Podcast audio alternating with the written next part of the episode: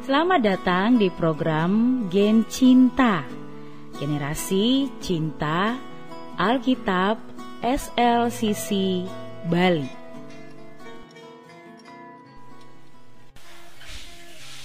Buah bibir yang positif bukan negatif.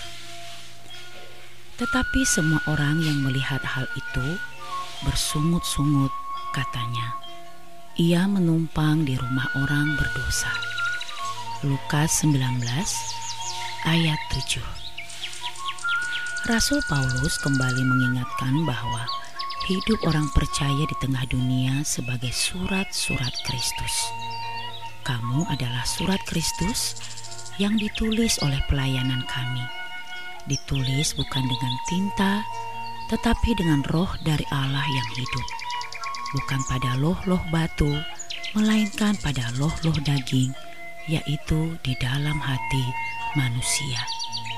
2 Korintus 3 ayat 3 Dengan kata lain, orang dunia akan melihat dan memperhatikan setiap perkataan dan perbuatan kita sehari-hari.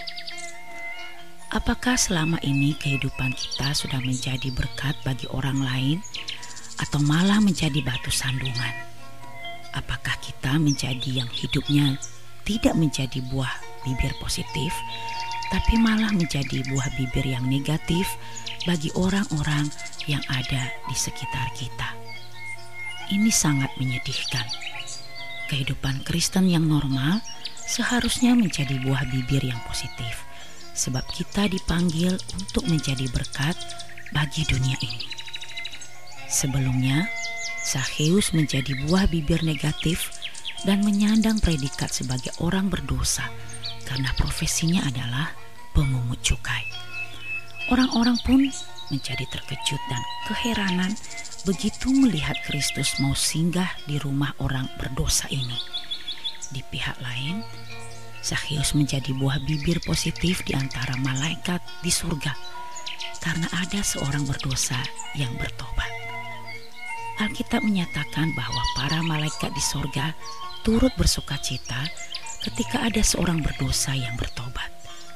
Lukas 15 ayat 10 Zakheus yang awalnya menjadi buah bibir negatif dan hidupnya dicibir oleh banyak orang sejak bertemu Kristus, hidupnya telah diubahkan dan menjadi buah bibir yang positif.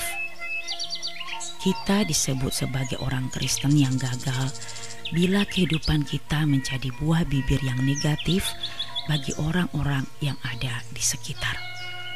Itu artinya orang lain menjadi tersandung karena kita. Bagaimana supaya kita menjadi buah bibir yang positif? Harus menghasilkan buah-buah pertobatan yang di dalamnya ada buah roh. Galatia 5 ayat 22 sampai 23. Perubahan hidup kita yang tampak nyata adalah kesaksian yang lebih kuat daripada perkataan kita.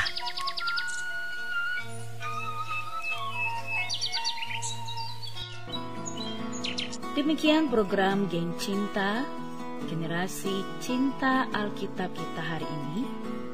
Saya mengucapkan selamat berakar dalam firman Tuhan, bertumbuh dalam iman, berbuah dalam kasih dan kekudusan. Tuhan memberkati.